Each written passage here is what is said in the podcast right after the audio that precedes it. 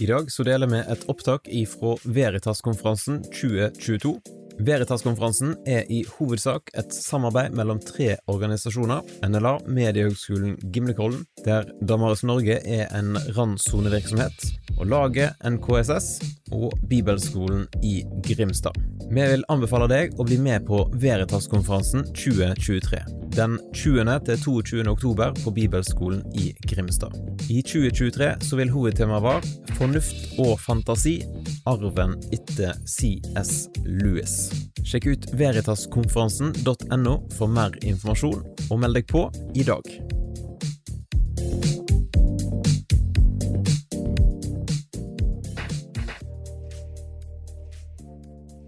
Vi skal snakke om mitt fav store favorittema, som er Fjodor Mikhailovitsj Dostojevskij. Og tema, tittelen i dag spiller jo på den kjente boka til C.S. Lewis, 'Surprised by Joy'. Hans kjente fortelling om sitt eget liv og sin vei til tro, som på norsk er oversatt med tittelen 'Se det i øynene'. 'Surprised by Joy'.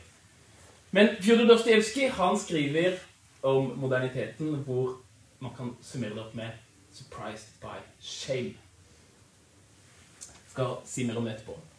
Når jeg var, eh, cirka, når jeg var 20 år, så hadde jeg eh, stort sett ikke gjort annet i livet mitt. Jeg hadde gått på skolen, sittet på skolebenken, spilt fotball, drevet litt med musikk. Og sittet foran en PC og, og hatt dårlig samvittighet for at jeg ikke gjorde leksene mine. Jeg hadde altså ikke lest noen bøker, men så passerte jeg 20, og liksom tunge byrden fra videregående ble liksom litt lagt av meg. Jeg tenkte nå er det på tide å begynne å lese. Men så ble jeg, hvor skal man begynne, da? Hvis man liksom har lyst til å, bli, liksom, å lese litt klassikere, ting man kan sitere, og liksom å danne seg selv. Det er så mye. Man har ikke lyst til å bruke opp eh, liksom krefter og motivasjon på dårlig litteratur. Hvem er den største og beste? Jeg begynte å spørre folk, begynte å spørre folk som er klokere, eh, levd lenger enn meg. Og nesten alle de pekte i samme retning. Les Dostojevskij, sa de. Juristen, sa det. Legen, den litteraturinteresserte legen, eller den historikeren. Alle sa det. Les Dostojevskij. Største romanene som er skrevet. Hos ham så tas alle de store temaene opp til debatt. Juss, filosofi, tro, psykologi. Hos ham er alt. Du lærer mer av å lese forbrytelse og straff enn hele X-Fill-pensumet. Og hvis du leser De besatte, så kan du en gang for alle forstå hvorfor 20. århundre ble et blodbad. Les Dostojevskij. Så jeg tenkte ok eh, Jeg hadde forresten lest en bok i, i tenårene. Det var Den helt overkommelige bibel av eh, Knut Tveitereid. Den hadde jeg lest. Men nå skulle jeg begynne å lese Dostojevskij. Jeg huske meg selv sto utafor Nordli med liksom et par tusen sider Dostojevskij Solum billig pocketutgave. Så tenkte jeg nå skal det skje. Og det føltes som å stå i bunnen av et høyt fjell. Jeg var utrent, uten utstyr, uten sikt, og skulle begynne på klatringen. For det er veldig mange som har prøvd seg på Dostojevskij, og så har de gitt opp etter side 70. Og når jeg snakker om Dostojevskij, så treffer jeg på Ja, jeg prøvde å lese forbrytelse og straff, men så liksom ble det så vanskelig med navnene og sånne ting.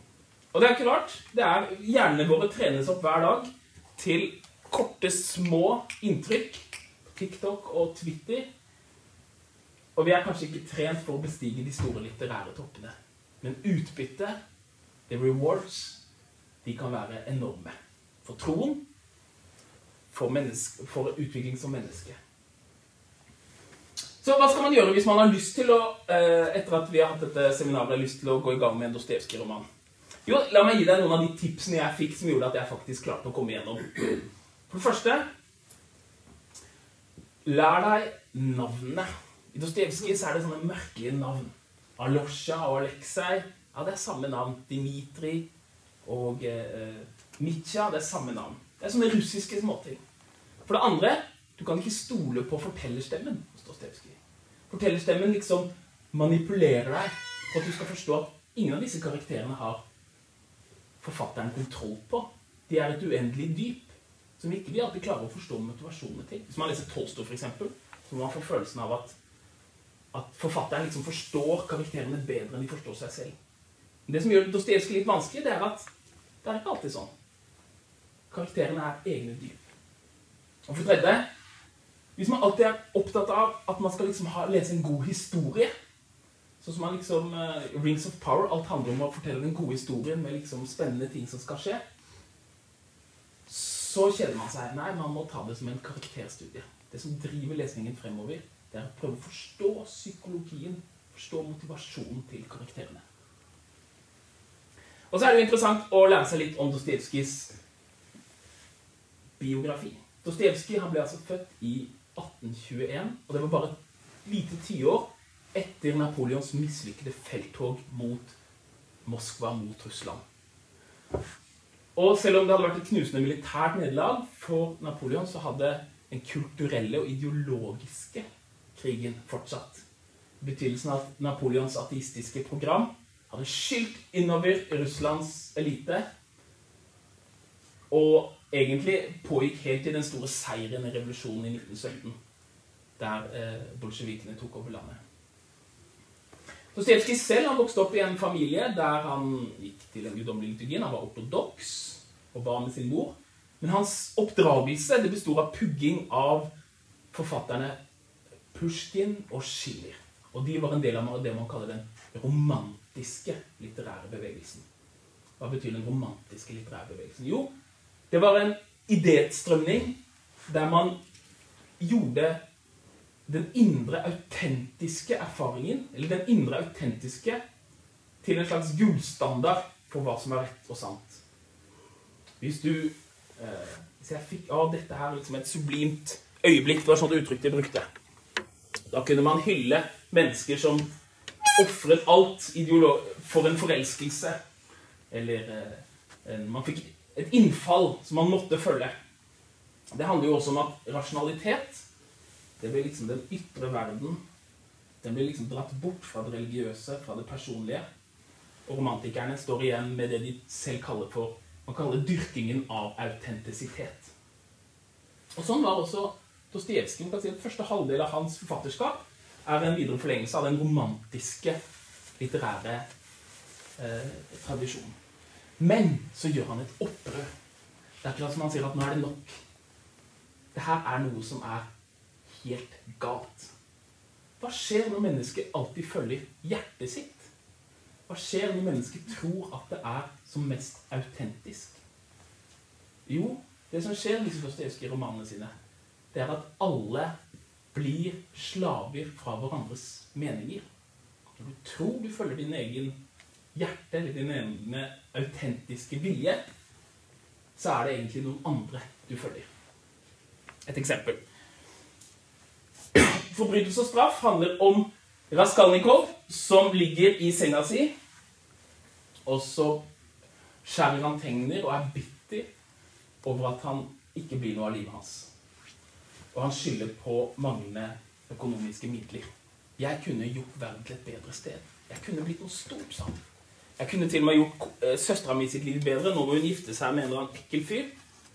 Og jeg kunne fått fremdrift jeg kunne liksom fått verden til å utvikle seg i en bedre retning. Men jeg mangler penger. Det er mitt kall, liksom. Fra meg selv. Mitt autentiske kall. Men leseren forstår at her er det ideen om Napoleon som utspilte seg liksom i, på 1800-tallet, det europeiske 1800-tallet. Om den viljesterke mann som ikke bryr seg om moral eller gamle fordommer, men forandrer verden til det bedre. At denne ideen har liksom festa seg i ham, og ikke kommer fra ham selv. Det er ikke noe kall fra hans egen samvittighet. Det er noe han drømmer om utenfor for seg selv. Så han dreper nabokona og tar pengene hennes. Og han har skapt seg et rasjonelt argument som sier at det må jo gå greit. Fordi det vil jo skape en mye bedre verden. Hennes penger har ikke hun noe behov for. Og han blir og det skulle høres helt greit ut i hans eget resonnement, men han blir altså overveldet av skam. Han klarer ikke å artikulere det, men måten det tar seg til uttrykk, er at han klarer ikke å gi slipp på det. Etter at han har drept henne, så slutter han å handle rasjonelt. Han begynner å oppsøke mennesker som kanskje kan avsløre ham, f.eks. etterforskeren. Begynner å liksom oppsøke han, og snakke liksom indirekte med ham. Oppsøke stedet der det skjedde hvor han drepte henne, Oppsøke stedet der han har gjemt pengene. Og vi som er leseren, vi står ovenifra, så skjønner vi Du trodde at ikke det ville få betydning for deg å drepe et menneske. Men virkeligheten tar hevn. Du trodde at når du fjernet Gud fra lignelsen, så skulle du kunne følge din egen vilje. Men nå er du helt overveldet av skam fordi du ikke lenger har noe språk for din skyld. René Girard han er kalt for likerknappen sin farfar. For han var, en av de, han var en fransk filosof som inspirerte investoren Peter Thiel til å investere i Facebook. Han var en av de første som investerte i Facebook.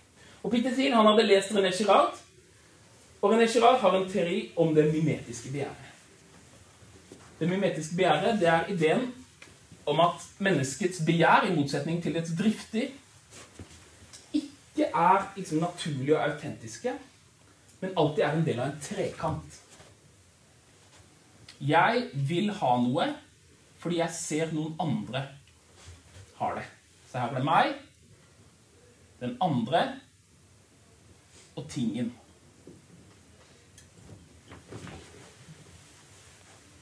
Jeg tror jeg, Når sønnen min på to år kommer inn i barnehagen, så vil han alltid leke med eh, en spesiell leke. Og jeg kan alltid vite hvilken det er på forhånd. Hvilken leke er det? Det en annen barn allerede har begynt å leke med. Hvorfor det? Fordi han tror at 'jeg vil så veldig gjerne leke med akkurat den leken'. Men han vil ha den fordi det er et annet barn som har uttrykt på en eller annen måte at han vil ha den. Og den psykologien, der vi hele tiden tror at det vi vil, er vi egenmotiverte av, men vi blir motivert av alle de andre, det skjønte Peter Thiel gjennom å ha lest René Girard. Det går det an å utnytte gjennom f.eks. like-knappen. Jeg trykker på 'liker' fordi like-knappen er som det første barnet i barnehagen. Jeg tror at det er jeg som liker det, men egentlig så er jeg bare et offer for hva alle de andre vil. Og slik er karakterene i Dostojevskijs romaner. Og René Girard han oppdager denne dynamikken gjennom å lese bl.a. Dostojevskij. For eksempel i De besatte så er det en som heter Shatov.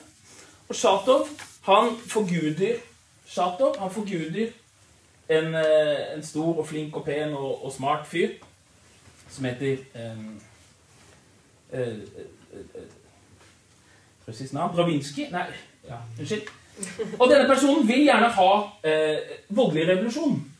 Og Shatov tror at han vil ha voldelig revolusjon, men etter hvert så skjønner han nei. Det er jo ikke voldelig revolusjon jeg vil bli som han, for han er forbildet mitt. Og da, sakte, men sikkert, så viser Dostojevskij det avslører romantikkens grunnsetning. At menneskets vilje stammer fra sin egen autentiske jeg. Nei, vi sammenligner oss med andre. Og når vi later som at vi, våre valg er uttrykk for en autentisk vilje, så blir vi helt slaver av alle de andres vilje. Annet eksempel. I 'Idioten' så er det eh, eh, eh prins Myskin han, han eh, er glad i en som heter Nastasia Filippovna. Og så er det en annen mann som skjønner det.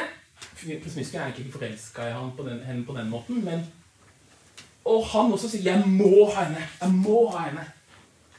Og han selv tror at det er fordi at det er skrevet i hjertet hun er min kjælevenn. Om jeg ikke får henne og ligge med henne, eller hun blir min kone, så dør jeg, liksom. Men leseren forstår hvorfor har du så ekstremt sterkt begjær til denne kvinnen Nastasia Filipovna. Jo, for det er rivaliseringen med prins Mysjkin. Ikke sant? Overalt ser vi dette. I Dostojevskijs romaner. Og hva kommer denne trekanten av? Hva kommer den trekanten av? Hva er det vi egentlig lengter etter i den andre? Det er spørsmålet som René Girard formulerer, men som han henter fra Dostojevskijs romaner.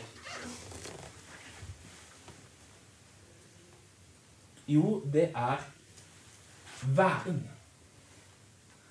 Det er en følelse av at alle de andre har noe som jeg ikke har.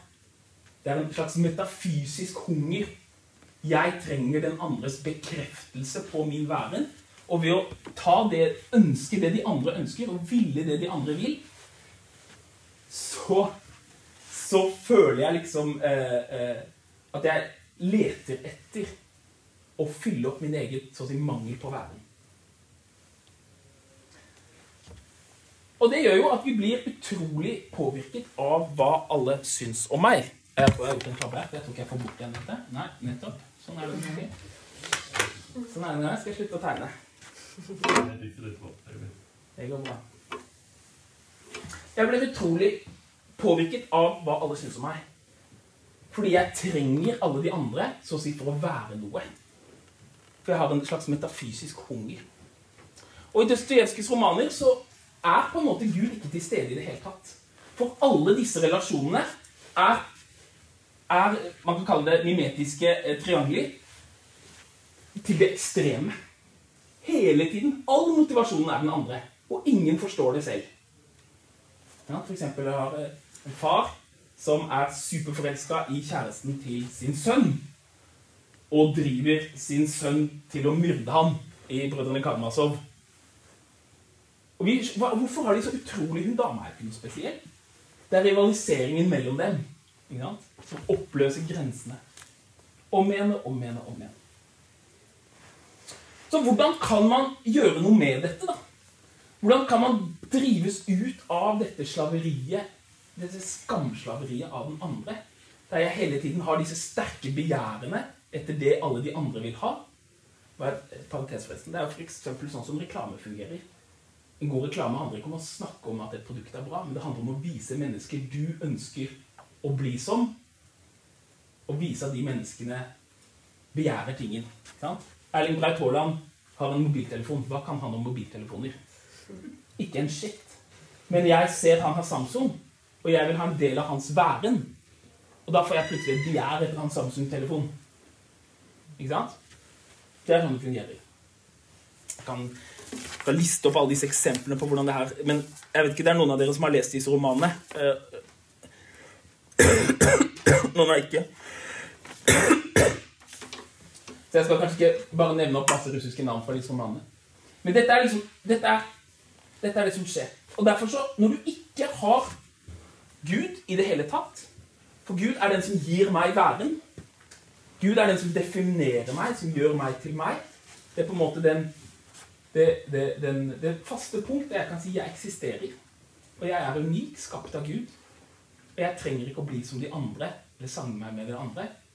Når den er borte, så eskalerer sammenligningen til det ekstreme. Og det er som sagt det vi ser i Dostojevskijs romaner. Hva skal man gjøre for å bryte ut av det?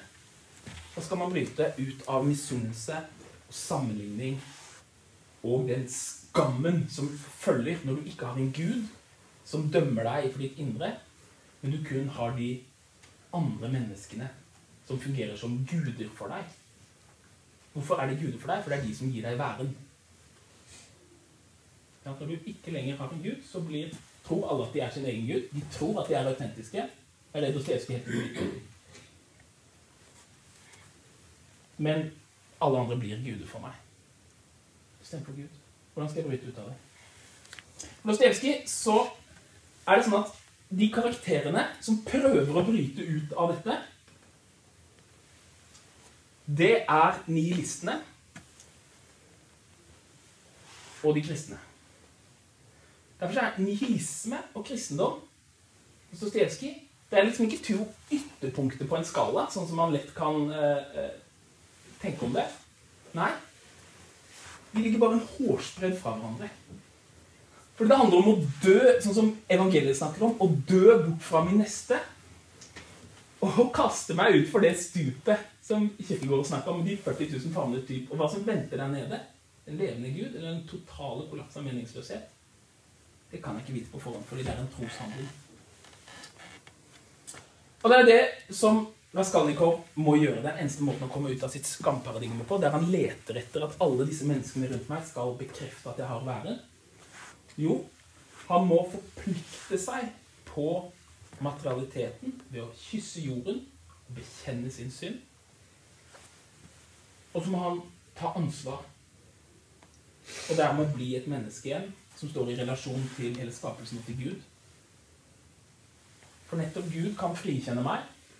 For han kan gi meg si 'Dette har du ansvar for. Dette er din skyld'. Og når jeg står ansvarlig for Gud, så kan jeg dø bort fra skammen. Og erkjenne sin skyld gjør at skammen slipper taket. Sånn er det. Sånn er det. For da, betyr, da er det ikke de andre som definerer meg. Det er ikke de andre rundt meg som så å si gir meg væren. Det er bare Gud. Det finnes en scene der, der Raskalnikov møter Svidrigailov. Eh, han har en lang samtale med Svidrigailov, som er en eldre mann som også har vært en morder og en voldtektsmann. Jeg tenkte på den scenen i går når vi hadde denne pressekonferansen om dette forferdelige uretten som er blitt gått mot, mot uh, Viggo, Viggo Kristiansen. Der er det en scene der de sitter og snakker. Um, og uh, vi skjønner at han, han har sluppet unna. Svidrigailov har sluppet unna. Han har levd 40 år som en person som har drept minst to personer, voldtatt et barn, men ingen har klart å ta ham. Og det Raskalnikov skjønner, det er at ingen har det verre enn han. Han er totalt overgitt til sin egen eh, til et skamhelvete. Han kan aldri på en måte bli fri fra det hvis han ikke tar ansvar for det. For det er bare i relasjon til den evige sannheten til Gud er at jeg kan bli et menneske. Så det Raskolnikov må gjøre, det er at han må gå i fengsel og være i straffange resten av livet sitt for å ta ansvar for sitt liv, for å bli menneske igjen. Stå og ta ansvar. Han trodde i starten av romanen at han kunne bli fri fra skyldfølelse og skamfølelse med sin tanke. Men når han tok bort ideen om skyld Det er galt å drepe et menneske. Så kommer skammen inn i stedet. Og det er et hundre ganger verre fengsel. Svidrigailov, som lever som fri mann, kan forføre damer og er rik, og har denne dype, dype skammen i seg, viser Dostojevskij, er et langt verre helvete enn Raskalnikov, som må sone resten av livet sitt i fengsel for det han har gjort. Hvorfor det? Jo, fordi vi trenger jo dypest sett alle å være mennesker. Og mennesker blir vi bare når noen våger å erkjenne vårt ansvar. Jeg har sittet i en skriftesamtale en gang med en prest. Og så liksom prøvde jeg å si det at jeg, jeg angrer på dette, og det der var dumt, og jeg, jeg vil be Gud om tilgivelse. Så sa presten sånn Er det så Kunne du gjort noe annerledes da? Er det ikke sånn det bare skjer noen ganger? Du prøvde vel så godt du kunne. Og jeg visste i meg selv at jeg hadde gjort noe galt. Men jeg følte virkelig meg tråkka på i det øyeblikket. For når du ikke lenger blir stilt til ansvar overfor en Gud og kan si 'dette har jeg gjort, og dette kan jeg vende meg bort fra', så blir jo den skammen jeg føler overfor ja, alle, alle menneskene rundt meg, den blir jo bare sterkere og sterkere. Jeg går til presten og så sier jeg, jeg skammer meg over min eh, At jeg har eh, eh, på skatten. Og jeg føler at liksom, de ser stygt på meg, de i nabolaget mitt, liksom. Selv om de kanskje ikke vet det. Kanskje noen annen tror, tenker det kanskje når de ser bilen min. Ok? Kan jeg bli fri fra den skammen? Nei. Så skjedd er skjedd. Du gjorde så godt du kunne. Du, du var vel bare sånn, da. Sånn er vel bare du. Du er vel sånn som snyter på skatten noen ganger. Da er jeg fordømt til skammen. For det fins ingen ytre, ingen øvre instans, ingen Gud. Gud er død, og skammen er mitt helvete. Når vi kommer inn i det 20. århundre, så skriver Frans Kafka, som er en sjangermessig Noen kan si bøkenes uttrykk er helt annerledes enn Dostojevskij. Kafka var jøde, hadde en veldig vanskelig forhold til sin far. Han hadde eh, eh, vokst opp i, Praha. Og det er jo da 50-60 år etter minst er mer enn det Dostojevskij. Og han skriver da den boken som er blitt regnet som kanskje den viktigste boken i det 20. århundret, nemlig 'Prosessen'. Venner, les 'Prosessen'. Den er litt tøff. Den er mye kortere enn eh, sine bøker. Men hva er det prosessen handler om? Jo, det handler om en mann som våkner opp en dag, og så får han vite at han er anklaget. For hva? Vet ikke. Av hvem? Vet ikke. Han er anklaget. Så alle menneskene han møter, behandler han som en anklaget. Han er ikke fri noe sted. Han møter på damen i, i, nede i, i Vaskedamen. Og han, hun forhandler han litt annerledes. Han er liksom blitt nesten en spedalsk, for han er anklaget. Han må jo prøve å komme seg ut av dette følelsen av å være anklaget. Så han oppsøker ulike instanser, en advokat, rett. Men du kommer liksom aldri til mål. Til slutt så finner han en stor rettssal som han oppsøker. Og akkurat som eh, hva heter han, Raskalnikov oppsøker menneskene Skammen hans får han til å drive lengsel mot frigjøring, gjør at han driver han mot, mot de tingene som kan gjøre at han faktisk blir tatt. Så er det sånn at eh, Josef K. I, i prosessen han oppsøker overalt mennesker som kan liksom dømme han. Så kommer han til slutt til den store rettssaken. Og så litt sånn, hva, er, hva er det som står i lovbøkene deres, da? så jeg vet hva jeg eventuelt er anklaget for? Ser man, så er det bare porno. ikke sant? Som eh, Dommeren sitter bare, han følger ikke med. Og han er fanget i et skamhelvete som det 20. århundres mennesker identifiserer veldig sterkt. Det er derfor den romanen er så utrolig kraftfull. Fordi når jeg ikke har noen gud til å anklage meg, så har jeg heller ingen gud til å frikjenne meg. Jeg har bare følelsen av å være anklaget. Og Det er det som er det 20. århundrets erfaring. Ja, vi har, blitt, vi har frigjort oss fra normer. Ja, vi har frigjort oss fra Gud. Ja, vi har frigjort oss fra en evig en evighet, en evig dom. Og igjen står vi med følelsen av å være anklaget. Men hvem anklager meg? Det er ingen, ingen anklager deg. Du må bare gjøre det du syns er fint med ditt liv. Ja, men hvorfor føler jeg meg fortsatt anklaget hvis jeg Det er en, en, en, en rystende, rystende litterær erfaring å lese Frans Kafka. Men vi kan se det i dag. Nå er det jo 100 år siden. 1924 kom prosessen ut. Nå er det 100 år siden. Og ting har ikke snudd akkurat. Vi kan se det hele tiden. Hver gang liksom, Skam er jo nesten blitt et sånt eh, ord som det er, det er så overbrukt i, i, medier at vi vet liksom ikke hva vi skal gjøre av det ordet lenger. Men hver gang man liksom hører om, om folk som opplever skam, så er alltid svaret du må bare frigjøre deg mer. Hvis vi bare frigjør deg mer, så bare gir mer og mer slipp på ideen om at det fins noe du objektivt du står til ansvar for, da vil du til slutt føle at skammen slipper helt tak. Det har vist seg at det er ikke så enkelt. Det er ikke så enkelt.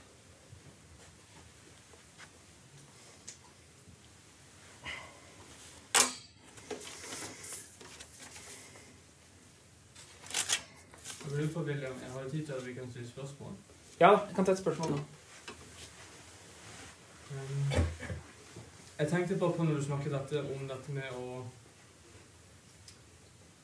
um, Det at vi føler oss anklaget av noe, og vi bærer på noe som vi tror vi har gjort galt, og som vi gjerne vil bli kvitt. Mm -hmm. Og jeg tenker på når vi leser i Bibelen Mm -hmm. Når vi leser om Gamletestamentet, f.eks., hvor vi ser liksom at her er det en gud som anklager et folk mm -hmm. og folkeslagene rundt på noe de har gjort galt, som han ser er galt. Mm. Og da tenker jeg liksom på Er det at vi tolker vår livsopplevelse i forhold til hva Bibelen sier i den, rette, den situasjonen der? At vi føler liksom at det føles ut som bare en anklage utenom en frigjørelse Mm. i førsteinntrykket. Hvordan tror du det kan Nei, for det som skjer eh, på- på at vårt gudsbilde blir så forvandlet i forhold til at vi bærer på en, kanskje en skyld som utvikler seg til å bli en skam yes. Inn i skriftene? Og poenget med, poenget med et, å bruke fornuften og tradisjonen og den kristne åpenbaringen, som er Jesus Kristus selv Poenget med å bruke den som en målestokk er jo for at ikke vi skal skamme oss for dumme ting. Hvis du er oppvokst i Saudi-Arabia, så kjører du bil, og skammer du deg. Du er kvinne. Vi kvinner skal ikke kjøre bil. Så vil jo vi si at ok, her er det nettopp det er et problem i det som har etablert samvittigheten din. Det må justeres. Og det er det den hele den kristne teologiske tradisjonen prøver å gi svar på. Hva er et menneske? Og vi skal ikke skamme oss over vår svakhet. Vi skal ikke skamme oss over våre manglende eh, ressurser. At ikke vi er så smarte og flinke og pene som vi skulle. Alle de tingene som folk skammer seg over i dag. Det sier kristendommen. Det trenger du ikke å skamme deg for. For kristendommen sier at eh, eh, salig er de fattige. Salig er de som lider, salig er de som sørger. Det er ingen skam å bli eh, eh, satt utenfor, for Jesus Kristus selv ble det. Men når du bryter med kjærligheten, når du svikter, uansett hvor svak du er, når du svikter sannheten og kjærligheten, og ikke lenger elsker de neste som deg selv, det kan du alltid stå til ansvar for. Og det må du eh, eh, Det kan du erkjenne og vende deg bort fra. Jeg er jo prest, og jeg både går veldig ofte til skriftemål, for jeg tror at et av de glemte tingene her i den kristne tradisjonen, det er jo skriftemålet som en institusjon og som en ordning som har spilt utrolig stor rolle i hele kristendommens historie, men som er nesten utrydda etter i hvert fall i protestantiske land siden urbaniseringen på 1880-tallet. Frem til det så var det helt vanlig at kristne skulle skrifte. I Luthers lille katekisme så er det en hel overskrift og et helt kapittel om skriftemålet. Det personlige skriftemålet. Men det man får inn, det er istedenfor man sånne allmenne synsbekjennelser får man inn i gudstjenesten som erstatter det personlige skriftemålet. Jeg er en synder. Jeg vet at jeg er en dritt. Amen. Hele poenget med det personlige skriftemålet det er at presten eller den du går til skrifte hos, skal hjelpe deg å skille mellom det som du skal angre, og det du ikke hadde ansvar for, som trenger helbredelse. Mennesker har kommet til meg som prest og skriftet ting som overhodet ikke var synd. Noen, kanskje noen mennesker har gjort mot dem. Og det skillet, det er det som, som er eh, vår oppgave men når du ikke lenger har noe å skille mellom, så er det bare opp til deg selv. Og det det veldig fort ender med, det er at jeg skammer meg over det som gjør at jeg er eh, sett rart på av andre. Og jeg skammer meg ikke over de tingene som jeg slipper unna med. Og så er jeg bare i andre menneskers vold. I 'Brødrene Karamazov', som er jo da den store siste boken Fjodor Dostojevskij skrevet, den beste romanen som noen gang er skrevet, 900 sider med eh, brådyp Veldig ofte så, altså, Her er det mange som er opptatt av apologetikk, og der fins det et kapittel i midten som handler om det ondes problem. Det er veldig lett å tolke Dostojevskij som at liksom, de talene som holdes i Brodan Karamazov', er liksom en slags teori om det ondes problem. Jeg tolker det ikke sånn. Eh, jeg tolker det på en annen måte. Jeg tolker det som at hovedpersonen i 'Brødrene Karamazov', han heter Aljosha, han er oppvokst med en far som er som en, en djevel mot ham. Han, han, han, han, øh, han øh, mishandla mora hans til hun døde. Han, eh, han, bryr seg ikke om noen av de brødrene. Og alle de fire brødrene hater sin far. Og Aljosha er den yngste. Og det store spørsmålet boken stiller, er Går det an å elske Gud når mennesker har såra meg så dypt at mitt selvbilde er ødelagt. Mitt selvbilde er tråkka på. Vanskelig spørsmål. Og det Alosha får erfare, det er et alternativt åndelig farskap fra en munk som heter Sosima. Men denne munken, han dør og blir eh, utsatt for en bakvaskelsekampanje der han mister all sin status som en åndelig leder. Og så har Alyosha en eldre bror som også er såret av deres far som er intellektuelt overgår han langt på vei. Og som driver det ondes problem veldig hardt og viser, vet du hva Det er ikke så lett som du tror, at de bare gode svar for kristne tro. Jeg, altså, nå skal jeg litt sånn Ja. Det kommer til et punkt der mennesker som jobb må si 'Jeg forstår ikke helheten'. Og da får man et valg. Vil jeg fortsatt elske Gud? Det fins kanskje en tendens i apologetisk litteratur å antyde at det fins et punkt der jeg forstår så mye at kristendom er self-evident. Dostojevskij er skeptisk til det. Det Alosha erfarer, det er først at hans opplevelse, hans erfaring av Gud Han forventet et mirakel i forbindelse med sin åndelige fars død. Uteblir. Så opplever han følelsesmessig seg forlatt hans emosjoner. Gud er død for ham i hans erfaring, i hans emosjoner. Til slutt så kles liksom det innerste laget. Han har en bror som kler han av intellektuelt og viser som er overlegen ham. Til slutt så kles liksom alle de her krykkene han har hatt, som trodde bar troen hans, kles av, så står han der bare helt naken. Og det kan vi erfare, vi mennesker. Vi kan erfare at Gud så å si blir borte i livet vårt. Mange mennesker som enten har opplevd det, at jeg ikke klarer å få tanken til å gå opp, eller følelsene til å gå opp, eller at jeg ikke erfarer Gud slik jeg hadde forventet å erfare ham. Da er Gud død.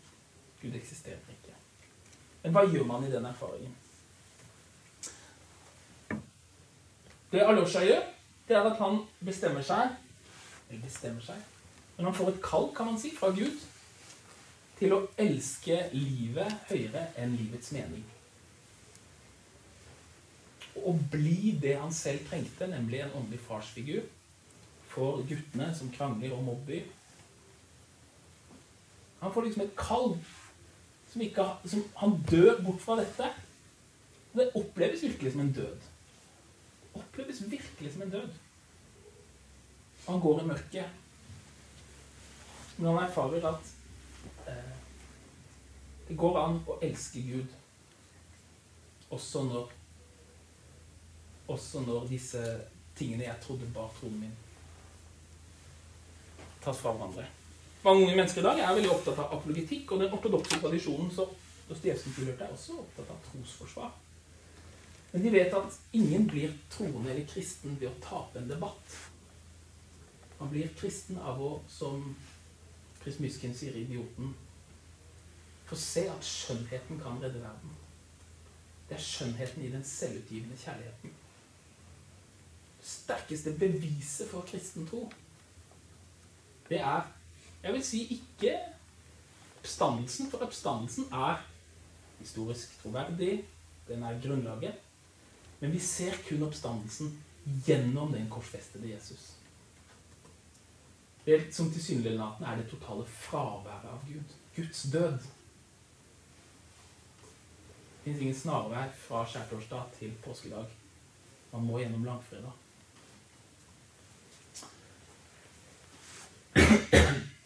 Da har jeg snakket eh, til. Er det flere som har lyst til å Vi er jo ikke en større gruppe at vi kan ha en liten sånn samtale om disse tingene.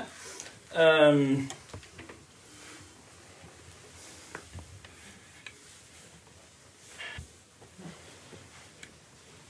ja. Um, bare, det var egentlig en uh, oppklaring fra noe du sa tidligere. Men uh, du sa at i uh, Eller du beskrev det som at noen av karakterene måtte bli mennesker. Uh, ja, på en måte. Ja, Mm. altså bare på hva du la i det. Ja, det er, det er et veldig godt poeng. Det jeg legger i det, er jo i kristen forstand bli menneske. Altså, når I, i Johans evangeliet så står det eh, at Pilatus ser på Jesus, og så sier han 'se mennesket'. Og det det betyr, er Jesus er det sanne mennesket. Mens vi andre vi er i ferd med å bli mennesker. Vi flykter fra vår egen menneskelighet, så å si. Og vi leter etter vår menneskelighet i bekreftelse fra andre. Men vi må dø bort fra det, og så må vi finne en slags tyngde i oss selv. Som har sin rot i Gud. Et indre rom av frihet. Veldig mange mennesker i dag opplever tross alt vi har veldig mange måter å, å komme sammen på sosialt. Vi opplever stor ensomhet. Men den kristne tradisjonen spør kan den ensomheten bli til en god alenehet. Kan jeg innrede et rom i meg der jeg lukker døren og ber til min far som er i det skjulte? Et indre rom. Der jeg blir til i møte med Gud. Og derfra ikke trenger andre mennesker for å, for å definere meg. Jeg er fri til å elske. Jeg trenger ikke menneskene til å bekrefte meg, eller til å, til å Og jeg blir ikke lenger en klamrende person, en ensom klamrende person. Vær så snill, la meg være en del av det. Jeg har et indre, liksom, stille rom med meg, et frihetens rom. Eh, som Gud er garanten for. Og det er i det indre frihetens rom, når ensomheten min er blitt til alenehet, det er da jeg på en måte blir menneske i, i teologisk forstand. Mm. Har du lyst til å følge opp på det? Ja. Hva vet vi, hva om Fjodor Dostojevskijs eget gudsforhold? Han leste evangeliet. Han, jeg kan fortelle fortellingene. Han, han var jo oppvokst Troen satt veldig dypt i ham, hans mor. Han uh, var jo med i en sånn opprørsgruppe for tsaren, for det her var en sånn revolusjonær tid, uh, hvor de snakket om hvordan de kunne lage en ny, et nytt samfunn. Så ble han arrestert og kommer i Sibir, og sitter han i Sibir i til sammen ti år. tvangsarbeid. Og så er det jo i Sibir at han eh, forkaster eh, mye av sin gamle ideologi, inspirert av den franske utopismen, og kommer tilbake til et kristent menneskesyn. Han leser jo evangeliene. Får evangeliet eh, i hånden av en dame som han holder brevkontakt med gjennom resten av livet. Og leser evangeliene nøye når han er i fengsel. Og det han oppdager blant annet, er at denne ideen som stammer fra sosialismen, at mennesker bare gjør det onde fordi det er strukturer som undertrykker, det stemmer ikke. Til og med når han så det i fengselet Disse folka her, de, de Noen ganger så vil mennesker det onde. Rett og slett av ondskap. Og noen ganger så kan mennesker ved Guds nåde gjøre det gode. Rett og slett eh, fordi det ligger i vår menneskelige, eh, menneskelige kall. Når han kommer ut av fengselet, så er han på en måte en kristen, men ja eh, Ikke liksom ikke en av de frelste på bedehuset, kan man si det sånn. Han lever et, et omsvermende liv. Han strever med spilleavhengighet. Han har behandlet kvinner ikke alltid så bra. Um, og um, så er det egentlig på slutten av sitt liv, særlig i forbindelse med skriving av Brødrene Karamazov, at vi, vi, kan liksom se at hans kristendom faller til ro på en måte som, som jeg vil liksom eh, endorse, da, hvis man kan si det sånn. Mm. Eh, og eh, på nattbordet hans ligger jo evangeliet. Og det var det siste han ville at skulle leses for ham. Eh, eh kirke og, eh, og, sakramenter og sånne ting er jo veldig ofte fraværende i, i Dostojevskijs eh, bøker. Og det har ofte blitt han kritisert for, også av ortodokse munker. Så jeg eh, vil ikke lese hans eh, verken på Brutterstaff eller Idioten som liksom Her har du en klokkeklar kristen teologi i litterær form. Og det er ikke poenget med litteraturen heller. Men i 'Brødrene Karmasov' så er det akkurat som at han mot slutten av livet Han ble 60, 60 år, ja. 65. Eh, liksom eh, lander på en, på en, dyp måte, slik jeg tolker det, i sin kristne tro. Men hans tro er 'jeg elsker Gud', også når Gud er død. Også når jeg ikke forstår ham. Det er Jobbs tro. Det er ikke 'nå står jeg på toppen av fornuften og erfaringen søyle, ser ned på menneskene og kan lære dem om Gud, det er Jeg går i mørket. Jeg ser han ikke. Jeg vet ikke om jeg kjenner ham eller forstår ham. Men jeg vil elske ham. Jeg mener det er det som det siste kapitlet i eh, Alyosha med steinen eh, i kom. Altså. Og så er det jo veldig mange som har prøvd å dra Dostojevskij i motsatt retning. Det. Men det er ikke avgjørende for eh, litteraturens kraft, kan man si sånn. Men eh,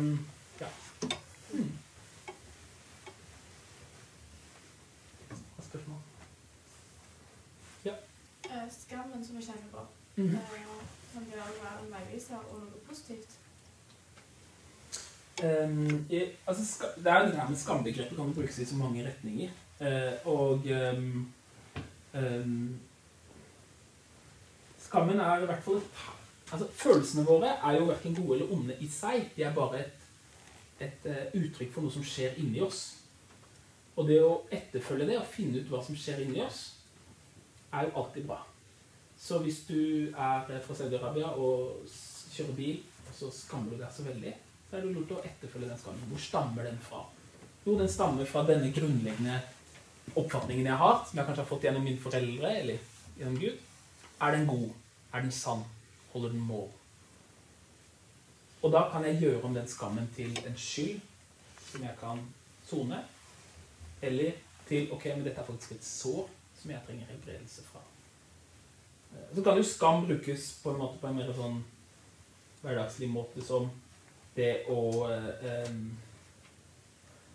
eh, erkjenne at man har grenser. Så kjenner du ikke skam, underforstått, forstår du ikke at det fins grenser og rammer mellom oss som vi må respektere. Så det er noe som jeg tenker om det. Men, um, du snakket jo litt om skriftemål. Mm. Og, um, og, da tenkte jeg liksom på hvordan kan Hvordan er det med på liksom å At vi står til ansvar med det vi bærer på i vårt eget liv, og mm. legger liksom det fra oss. Det er liksom å se verdien i synsbekjennelse, f.eks. Det er vel det ja. Hvordan tenker du om det? knyttet til Nei, men det er ikke alltid man kan skrifte alt for alle. Fordi livet er komplisert. Men presten representerer fellesskapet og helheten. Så når jeg, går til, jeg kan liksom føles Hvis jeg nå f.eks. hadde snudd på skatten, og så hadde jeg, selv om ikke jeg, dere hadde visst det, så hadde jeg følt en sånn skam overfor dere. Den skammen handler jo om avstanden mellom det indre og det ytre på en eller annen måte. Så kan Det er det som er det nydelige i, i, i kirken, at vi er en kropp, at vi er en helhet. Det er at den ene presten er ikke bare en person, han representerer Gud og representerer hele fellesskapet. Så ved å skrifte for den ene så forsoner seg med hele fellesskapet, og synden nei, og, og skammen knytta til hele fellesskapet kan, kan uh, miste taket. Og så er den skrifteballen min erfaring, og det alle de har lest erfaring, det er at man, man skrifter ofte de samme mange ganger. Og det er ikke alltid uh, det er ikke alltid ja, Og man trenger ofte å prøve å analysere hvor hva er kilden, hva er, hvilket sår i meg er det som, som gjør at denne synden fortsatt har makt over meg. Um, men um, men det er jo herlig å erfare at man på en måte At man kan si ting på en måte hvor man blir menneske fordi man blir erkjent at man er et ansvarlig vesen. Dette hadde jeg ikke ansvar for, men dette hadde jeg ansvar for. Det erkjennes i synserkjennelsen. Samtidig som at jeg kan få høre det frelsende ord om at om at de syndene faktisk blir tilgitt i Jesus Kristus. Jeg tror vi gir oss der. Tá bom.